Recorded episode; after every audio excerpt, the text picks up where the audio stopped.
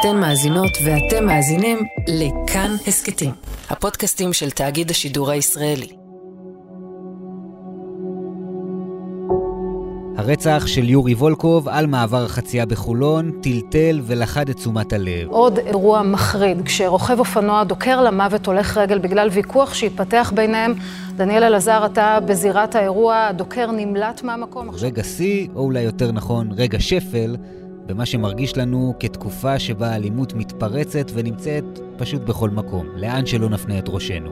מארגוני פשיעה שחוזרים להתחכך יותר ויותר בחיים הנורמטיביים במרכזי הערים שלנו, ועד בריונים ופרחחים בכבישים, ברחובות, אנחנו פשוט לא יודעים מאיפה הם עלולים לצוץ לנו. החשוד ברצח של יורי, עדי מזרחי, נעצר, והתיק שלו, בגלל האווירה מסביב, הפך מיד לתיק דגל, כזה של המשטרה ולפרקליטות פשוט אסור לפשל בו, כי אחרי מקרה כל כך מזעזע, המעט שנותר לנו הוא לפחות שהאחראים יעמדו לדין. היי, hey, כאן חן ביאר ואתם על עוד יום, הסכת האקטואליה של כאן. הפעם נצלול לתוך הפרשה הזו, דניאל אלעזר, כתב המשטרה והפלילים, ייקח אותנו אל תוך החקירה, איך בדיוק גרמו לחשוד עדי מזרחי להודות, למה הוא חזר לשתוק לאחר מכן, מה המשטרה יודעת ומה עדיין לא, ולמה ייתכן מאוד שלמרות הכל כתב האישום, בסופו של דבר, לא יהיה בסעיף של רצח בכוונה תחילה. עם עורך הדין יאלי שפרלינג, מבכירי הסנגורים הפליליים בישראל, ננסה להבין את הדקויות שבין עבירות ההמתה השונות, נדבר גם על הודעות חשודים במהלך חקירות, על תרגילי חקירה, ואפילו קצת קצת על איסורי מצפון של סנגורים פליליים.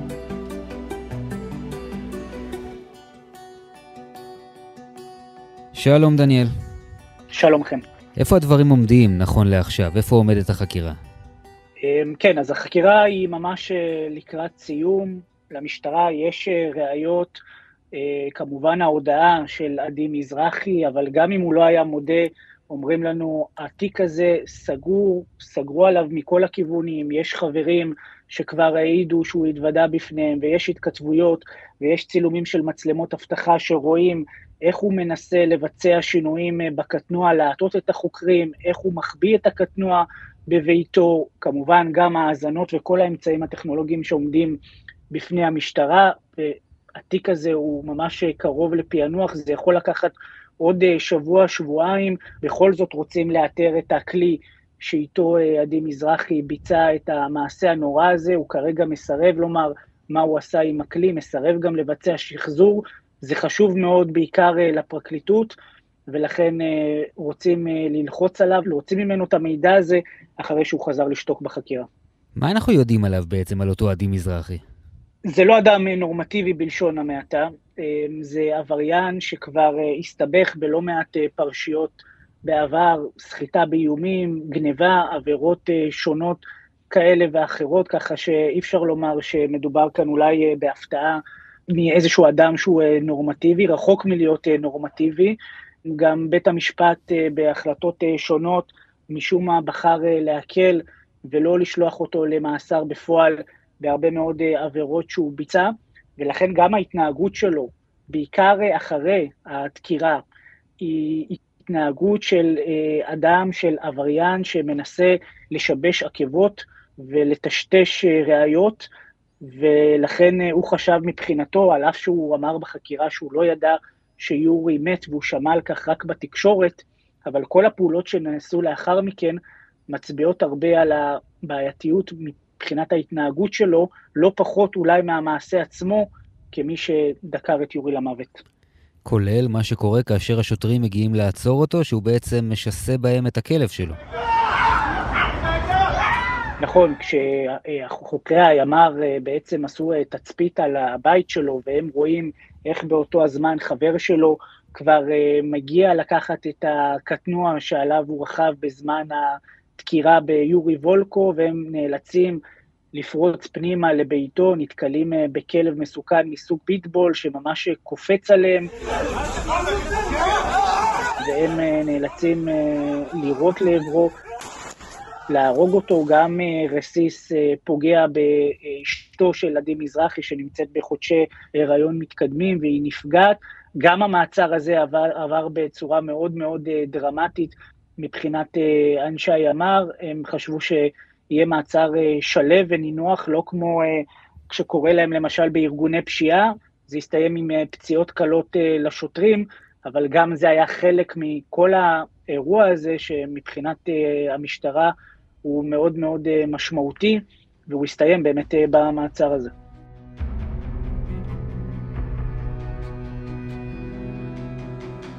אתה מתאר לנו, דניאל, את אה, עדי מזרחי כמי שמכיר כבר את אה, חדרי החקירות, כמי שראה את בתי המשפט גם מהצד של העצורים. יש לו עבר פלילי. בכל זאת אנחנו יודעים שהוא החל את החקירה הזו בשתיקה, ובשלב מסוים מצליחים לחלץ ממנו הודאה. מה אנחנו יודעים לספר היום על מה שקרה שם בתוך חדר החקירות? כן, אז בהתחלה הוא באמת הדבר היחיד שהוא היה מוכן לומר, זה שהקטנוע שלו, כשהוא מבין מאנשי המשטרה שיש להם צילומים, ויש להם, הם אפילו רואים את השינויים שהוא ניסה לעשות לאחר מכן, להוסיף כל מיני מדבקות וכל מיני שינויים באגזוז, בשביל אה, לטשטש עקבות של הקטנוע שלו, אז הוא מבין בשלב הזה שכדאי לו לפחות להגיד שכן, הקטנוע שלו, וזה מה שהוא אומר, הקטנוע שלי, אבל לא אני עשיתי את זה, והוא שותק, והוא לא מוכן לשתף שום אה, פעולה.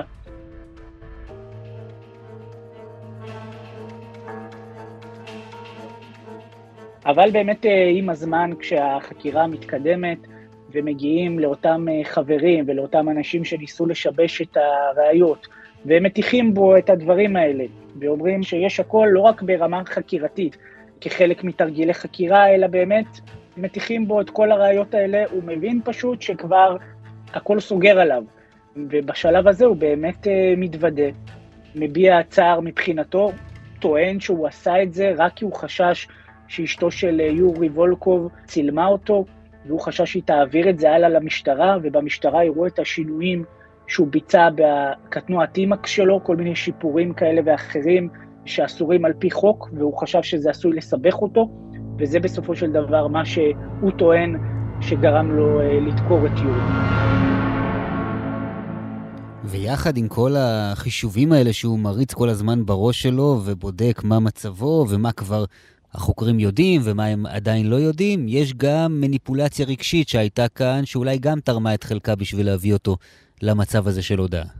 נכון, חלק מהתרגילי החקירה, אה, מעבר לראיות השונות ולממצאים שהמשטרה אה, אספה בפועל, החוקרים רצו גם לדבר לליבו, ובאמת אה, מראים לו את ההלוויה של יורי,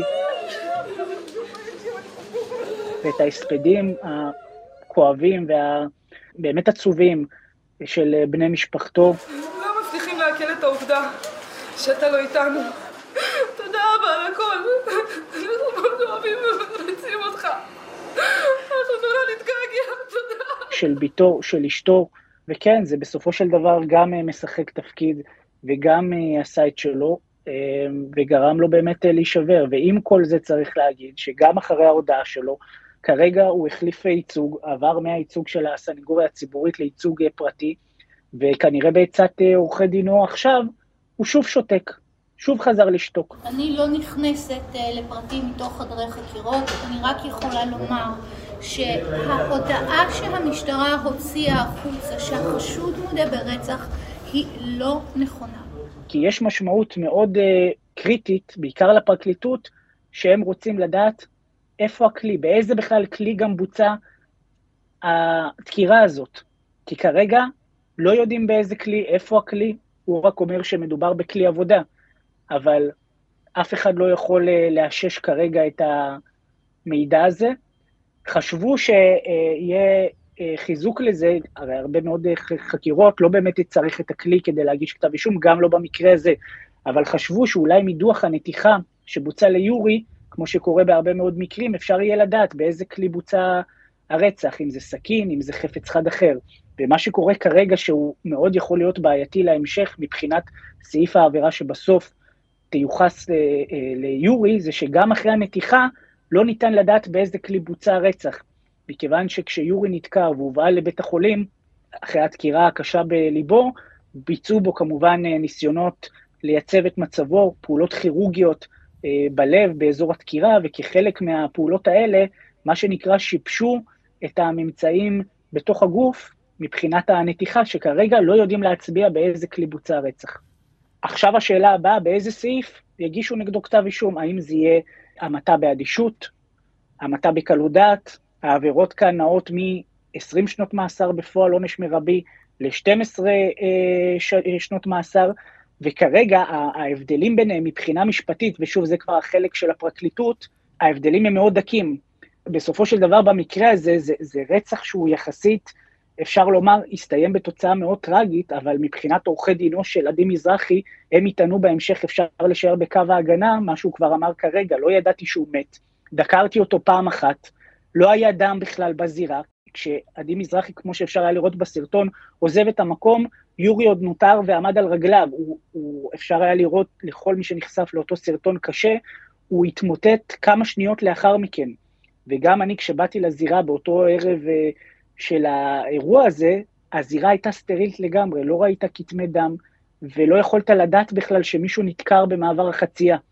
וכל הנתונים האלה, יחד עם העובדה הזאת שכרגע לא יודעים באיזה כלי בוצע הרצח, זה עשוי, עשוי, ולכן אני אומר עשוי כי זה כחלק מראיות ונסיבות נוספות, אבל זה עשוי יהיה לשחק לטובתו של עדי מזרחי בשאלה באיזה סעיף הפרקליטות בסוף תאשים אותו. ואנחנו שמענו כבר את בני משפחתו של יורי שדורשים שזה יהיה רצח בכוונה תחילה. מינימום במדינה הזאת שלפחות הוא יקבל מאסר עולם על רצח. אבל לא, אין לי אמונה במדינה הזאת, אז אני גם מפחדת שהוא לא יקבל מספיק מה שמגיע לו.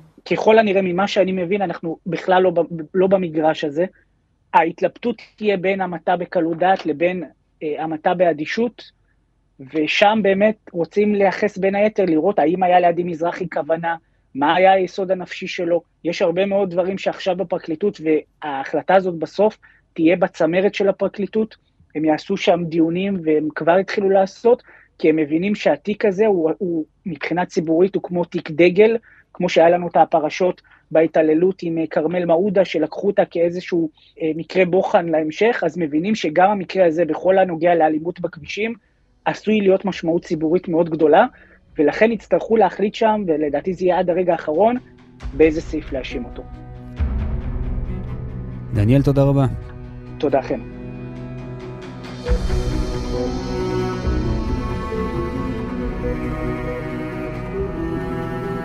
ובדיוק בנקודה הזאת אנחנו רוצים לצרף לשיחה את עורך הדין יאלי שפרלינג, מומחה למשפט פלילי. שלום יאלי. שלום.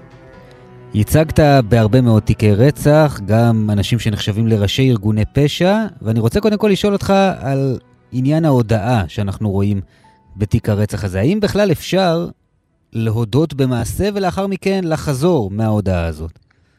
אפשר הכל. הנאשם, החשוד, כרגע הוא חשוד, הוא יכול לעשות מה שהוא רוצה, יכול להגיד מה שהוא רוצה, זו זכותו המלאה, הוא יכול גם לא להגיד כלום. הוא יכול uh, להודות, להגיד עשיתי כך, כך וכך, ויותר אני לא רוצה להסביר ואני שומר על זכות שתיקה. Uh, מהבחינה הזו הוא יכול להרוויח כמה דברים וגם להפסיד. הוא יכול להרוויח שאם uh, הגרסה שלו לא מסתדרת כל כך עם ראיות חיצוניות, או עם עדים אחרים, והוא שומר על זכות השתיקה, אז הוא לא צריך להתמודד עם שקרים.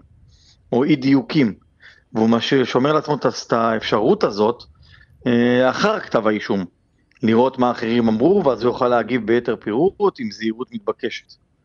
זו אפשרות ראשונה. אפשרות שנייה, שהוא הודה בגלל אה, שהוא היה לחוץ, או שקרה משהו, אנחנו לא יודעים בדיוק מה בזמן החקירה. החליט על דעת עצמו, או בעצת עורך דינו, אנחנו לא יודעים בדיוק את התנאים שזה קרה, ולאחר מכן הוא התחרט. ואם הוא אה, חזר מההודיה זה משהו אחר, זה כמו תיק זדורוב, שהוא הודה בהתחלה ואחרי זה חזר בו, זה אפשרות אחת. אפשרות שנייה שהוא הודה ולאחר מכן שתק ולא הוסיף מילה. עכשיו, אה, יש את כל מה שאתה לא רוצה, יש לזה תקדימים, היה ויהיו כל האפשרויות. כשבן אדם מודה, הוא גם מספר את אה, מה היה בדיוק. הוא מנסה להסביר, אני לא תכננתי לרצוח, אני לא התכוונתי, לא התכוונתי לפגוע, זה בטעות, בכלל לא התכוונתי שזה ייכנס. ואתה גם מצפה שתהיה איזושהי התאמה בין הפרטים שהוא מוסר לבין פרטים אחרים שהמשטרה יודעת ואוספת. בדיוק. עכשיו, אם הוא לא מוסר פרטים מדויקים, ומתחילים לשאול אותו הרבה שאלות ולהקשות עליו, אבל איך זה יכול להיות שזה היה מצד שמאל, אבל זה מצד ימין, והעד אומר שמה פתאום אתה עמדת מאחורה ולא מקדימה, ואתה היית על האופנוע ולא בדיוק ירדת מהאופנוע. אלף ואחת שאלות וקשיים. וכשהוא שותק, הוא לא מתמודד עם זה. הוא לא צריך להתמודד עם זה, הוא אמר את שלו, השאיר את הכל פתוח, יש איזה פלוסים. יש לזה גם מינוסים גדולים מאוד. לא אמרת, הגרשה שלך גבושה, כל מה שיכולת להסביר עכשיו, אתה פתאום מסביר אחרי שאתה רואה את חומר הראיות אחרי כתב האישום, גם לזה יש מחיר, כל דבר יש לו מחיר. זו התלבטות מאוד מאוד מאוד קשה, גם, גם של סנגור וגם של הלקוח, איך, מה לעשות במקרים כאלו. כשאנחנו מסתכלים על הודאה, פעם קראו לה מלכת הראיות, היום אנחנו כבר יודעים שהיא הרבה פחות ממלכה. עד כמה בכלל יש לה משמעות כשהיא באה לבד ולמשטרה אין את הראיות המחזקות מסביב, על אחת כמה וכמה שלפעמים חשודים, נאשמים חוזרים בהם מהודאות. אני אגיד לך משהו, היא אכן מלכת הראיות, זה לא משנה מה, בסופו של יום היא הראייה. היא הראייה בסופו של יום, היא בא, מספר, אומר, נותן פרטים מוכמנים, כל מיני דברים, ואז הראייה היא מאוד מאוד רצינית. היא מלכת הראיות. אבל, אם הראייה היא לבד, באמת עומדת לבד, לחלוטין, מתחילה פה בעיה. עכשיו, איפה הבעיה שלנו, של אזרחי ישראל? שיש יש איזו תפיסה, גם במערכת, אצל חלקים גדולים מאוד מהחוקרים, למרות שיש ספקות לגבי ההודיה, הם רוצים את ההרשעה וממשיכים קדימה. יש כאן בעיה כשחקירות מסוימות, ברוב החקירות מסומנת המטרה לפני, ואז מתחילים כולם לדהור ומסדרים את זה. אני, יש לנו עשרות מקרים, מאות מקרים שאנחנו רואים על אנשים שלא עשו ועומדים לדין. הדברים פה לא פשוטים. תראה, זה, זה מפחיד, אני יודע שזה נשמע, מה, הנה הוא סנגור, הוא אומר, לא חביבי, זה מאוד מאוד מפחיד כמה אנשים חפים מפשע יושבים בכלא. זה נשמע לך טיעון דמגוגי זול, אני אומר לך לא. 98 אחוזי הרשעות. זאת אומרת, כל מי שמגיש נגדו כתב אישום, מורשע. למעט נדירים ביותר. זאת אומרת, המערכת אף פעם לא טועה. תשמע, זה הזוי. עכשיו, בארצות הברית, או שהתובעים שם סופר רשלניים והם סתם מגישי כתב אישום על מישהו שהלך ברחוב, או שהמערכת שם יותר בריאה. ויש אפשרות אמיתית, לא תיאורטית, אמיתית לזיכוי. פה במדינת ישראל, זיכויים הם תיאורטיים בלבד. אנחנו יודעים שבמקרה הזה נתנו לחשוד תחושה שהכל סוגר עליו, בין אם זה היה נכון ובין אם יש כאן מעין תרגיל חקירה, וגם עשו לו מניפולציות רגשיות, הראו לו את הלוויה של המנוח וניסו לעבוד עליו רגשית. עד איפה אפשר לקחת את תרגילי החקירה, איפה עובר הקו האדום, וכמה אפשר באמת לייצר את אותה מציאות מדומה לנחקר בשביל להפעיל עליו לחץ להודות? זה כמעט אינסופי, הם היחידות החוקרות כדי להגיע שוב למלכת הראיות. הרי למה הם צריכים את זה? הם צריכים את זה בגלל מלכת הראיות, כי הם רוצים להגיע להודיה, כדי שיהיה להם את כל הנתונים. בסופו של יום, אין סוף לאפשרות של מניפולציות רגשיות. הלחץ הנפשי, בתור מעצר, אתה מבודד בן אדם, לוקח בן אדם, מבודד אותו עכשיו שהוא עצור, בתא מעצר, 24 שעות, בדרך כלל הוא לבד, בהפרדות, סגור, לא רואה בדיוק מה קורה בחוץ, כל מיני תרגילים, עם הדלפות מגמתיות כדי שהוא ישמע במקרה את החוקרים מדברים ביניהם. עושים להם כל מיני משחקים רגשיים, מכניסים להם כל מיני מדובבים ששותלים בראשם, כל מיני דברים. מתחילים, מתחילים לטחון אותו לאט, לאט, לאט. וכאשר הוא מספיק אה, אה, שבור, מוסיפים לו עוד ועוד ועוד ועוד לחצים, כמובן שהם אה, משדרים לו גם דרך התקשורת, הוא העורך דין שלו שומע. מדליפים לתקשורת כל מיני פרטים, אגב, לא תמיד נכונים. שהתיק סגור ויש ככה ויש ככה ויש ככה. העורך דין נפגש איתו, הוא מספר לו מה הוא שמע בתקשורת, הוא חושב שזה נכון, ומתחיל להיכנס ללחץ. וכשהוא מתחיל להיכנס ללחץ, והוא סגור, ומתחיל לחץ נפשי קשה עם כל מיני תרגילים של שקרים, מותר להם לשקר, זה הדין, אתה יודע, זה קו דק פה, יש כל מיני, אה, יש אה, כל מיני מבחנים בפסיקה, מתי זה ככה, מתי זה ככה, מתי זה מותר, מתי זה אסור, הם משתמשים במניפולציות ובתרגילי חקירה, לקחת, כמו שאתה אומר, לבית העלמין, למה עושים את זה? לוקחים אותו לקבר, להלוויה, למה? כדי לנסות לעורר בו רגש, כשבן אדם רוצה לשפוך אחרי שהוא עשה מעשה לא טוב ויש לו רגש, מנסים לעורר בו את זה כדי שיודה.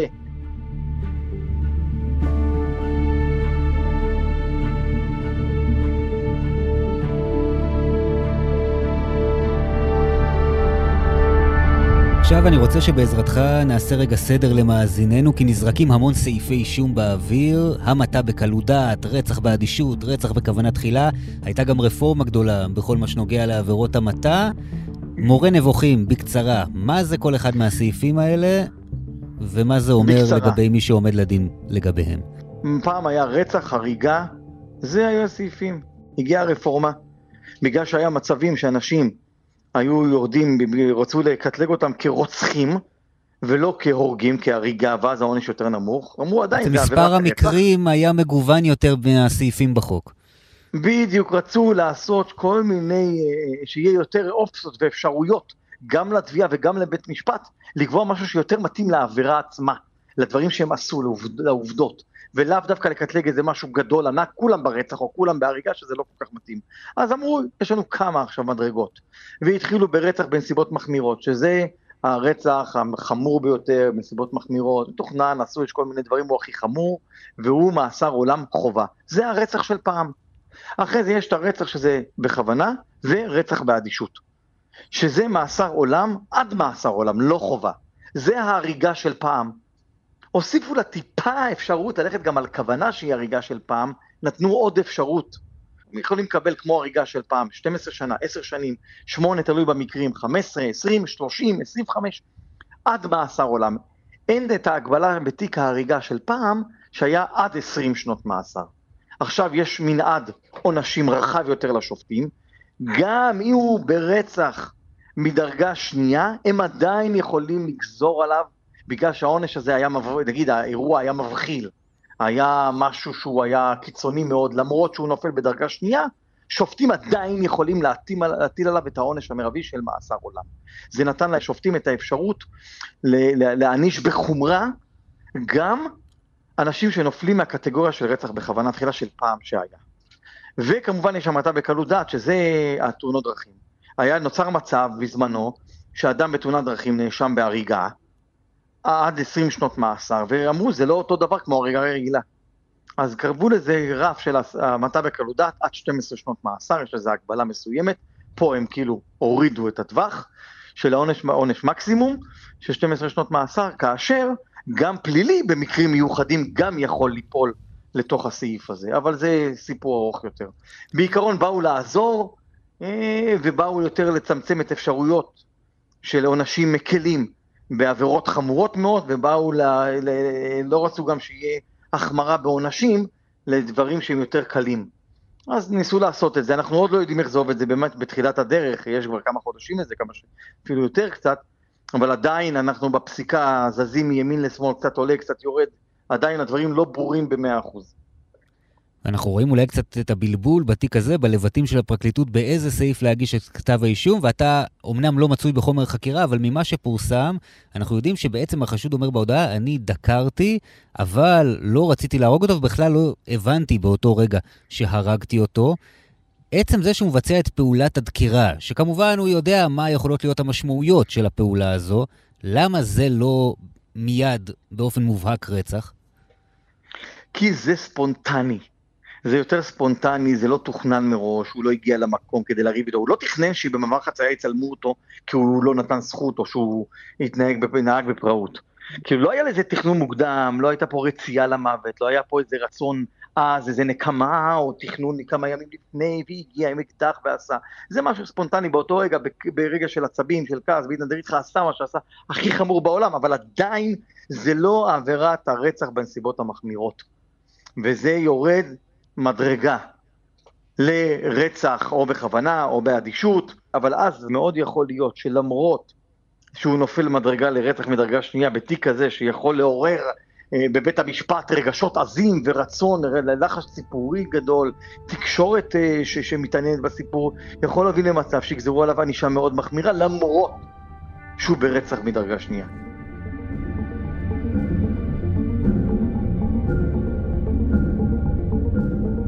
תרשה לי לשאול אותך שאלה אישית uh, לסיום. מה גורם לעורך דין ומייצר אצלו את המוטיבציה לייצר חשודים נאשמים בעבירות מהסוג הזה בתיקים כאלה? אתה בתיק הזה לא מייצג, אבל ייצגת בהרבה תיקים דומים, חלקם עם פרופיל תקשורתי מאוד גבוה גם כן. קודם כל, אם הוא עשה או לא עשה. זו מוטיבציה אחת. שתיים, גם אם אנחנו הרי לא שואלים את זה. אתה מסתכל, זה, זה, זה, זה חוקי, אלה חוקי המשחק. וככל שהתיק יותר קשה, יש לך אתגר יותר גדול. וכמובן, אתה יודע, זה, זה המקצוע שלך, זה מה שאתה עושה. ואתה מנסה לעשות את זה הכי טוב שיש. זו המוטיבציה העיקרית, להצליח. להצליח בתיק, להצליח במקצוע שלך, במה שאתה עושה. אתה גם uh, מכיר את הלקוחות, אתה רואה כל מקרה לגופו. כל אחד יש את הסיפור שלו, uh, את החיים שלו, את הסיבות שלו, את הנסיבות של האירוע, את הנסיבות של העושה. זו שאלה שהיא מאוד בעייתית, כי בעיקרון, אם אני אדם נורמטיבי ואני אזרח, אני יכול להגיד, מה פתאום אני צריך לברוח מזה, אני צריך לגעת בתיקי רצח. ואם הוא לא רצח, ואם הוא לא עשה, מי ייצג אותו? מי יוציא את חפותו? מי, מי, מה, מה יקרה במערכת? אז יהיה רק, יהיה שוטר, הוא יהיה גם התובע וגם השופט וגם הזה? אם לא יגנו על עצמו, מי, מי, מי, מי ייצג אותו? אם אני אגיד את זה וההוא יגיד את זה וכולם ידעו אנחנו אנשים מצפוניים, רק לפי המצפון אנחנו לא מתקרבים, אז המערכת קורסת, אין, אין, אין משפט. כי גם על הגנב שפרץ וגנב לתוך בית וגנב מזקנה את האלף שקל האחרונים שלה של האוכל ושל התרופות ואת השרשרת שהבן שלה שנפטר לקחו, גם זה כואב, אז גם הוא לא זכאי לייצוג. אז מי ייצג את המתפרץ או את זה שכביכול חושבים שהוא המתפרץ? אז מה, לא יהיה פה מערכת משפט, צריכים להגן. חלק מהמשחק זה גם התפקיד להגן ולהוציא את צדקתם לאור, להיות הפה שלהם. אני, שאני מייצג אותו, אני לא הוא, אני הפה שלו. אני מתרגם את הדברים לשפה משפטית. של ראיות, של טענות, של סיפורים, זה התפקיד, אנחנו לא אה, אה, ממציאים דברים או עושים דברים חס ושלום לא לפי החוק. יש שאלות קשות, יש בעיות עם מצפון, אם יהיה לי תיקים מאוד מאוד, אה, כמו רצח של ילדה, של ילד קטן, או דברים מטורפים כאלה, זה באמת שאלות, אבל בסך הכל, אה, זה, זה כללי המשחק, אנחנו מייצגים, עושים את העבודה הכי טוב שניתן, נלחמים עליהם, מנסים לעזור, אם הוא עשה או לא עשה, זה בית משפט מחליט, לא אנחנו, ואנחנו מסתכלים על האמת המשפטית, מה שיש בתיק. תחשוב על זה שלא עשה, והוא עכשיו לבד מול המערכת, מול השופט, מול הפרקליטות, מול המשטרה, מול הכוחות הכי חזקים במדינה, שיש להם כסף אין סוף ומפעילים את כל התראה, אמצעי התקשורת ויכולים להגיע לכל מה שהם רוצים ברגע אחד, הם מוצאים את הבן אדם, מביאים אותו לעדות. כל מה שהם רוצים עושים, כל המצלמות, הם שולטים בכל המערכת, בכל המרחב הציבורי. והוא עומד בדד, חף מפשע לבד, מול כולם ואין לו איש. אתה לא חושב שמגיע לעורך דין? זה בדיוק, זה הסיפור. עורך הדין אלי שפרלין, תודה רבה לך. תודה רבה חביבי, תודה. זהו זה, עד כאן הפרק הזה של עוד יום. דניאל אופיר ויותם רוזנבלד ערכו, יאיר ניומן על הביצוע הטכני, אלעד זוהר על עיצוב הקול והמיקס, וגם בר נחמיאס בצוות של עוד יום. אם אהבתם, אנחנו מפצירים בכם, שתפו את הפרק הזה עם חברים, ואתם מוזמנים אפילו לדרג אותנו בספוטיפיי או באפל פודקאסט אם אתם מאזינים שם. אם יש לכם הערות על מה שאמרנו, אפשר לכתוב לנו בקבוצת כאן הסכתים בפייסבוק, אפשר גם אליי באופן אישי, חן ביאר, בפייסבוק או בטוויטר. פרקים חדשים של עוד יום עולים בימים ראשון, שלישי וחמישי. הם וגם ההסכתים האחרים מבית כאן זמינים לכם בכל אפליקציית פודקאסטים שחביבה עליכם וגם באתר שלנו. אני חן ביאר, נשתמע.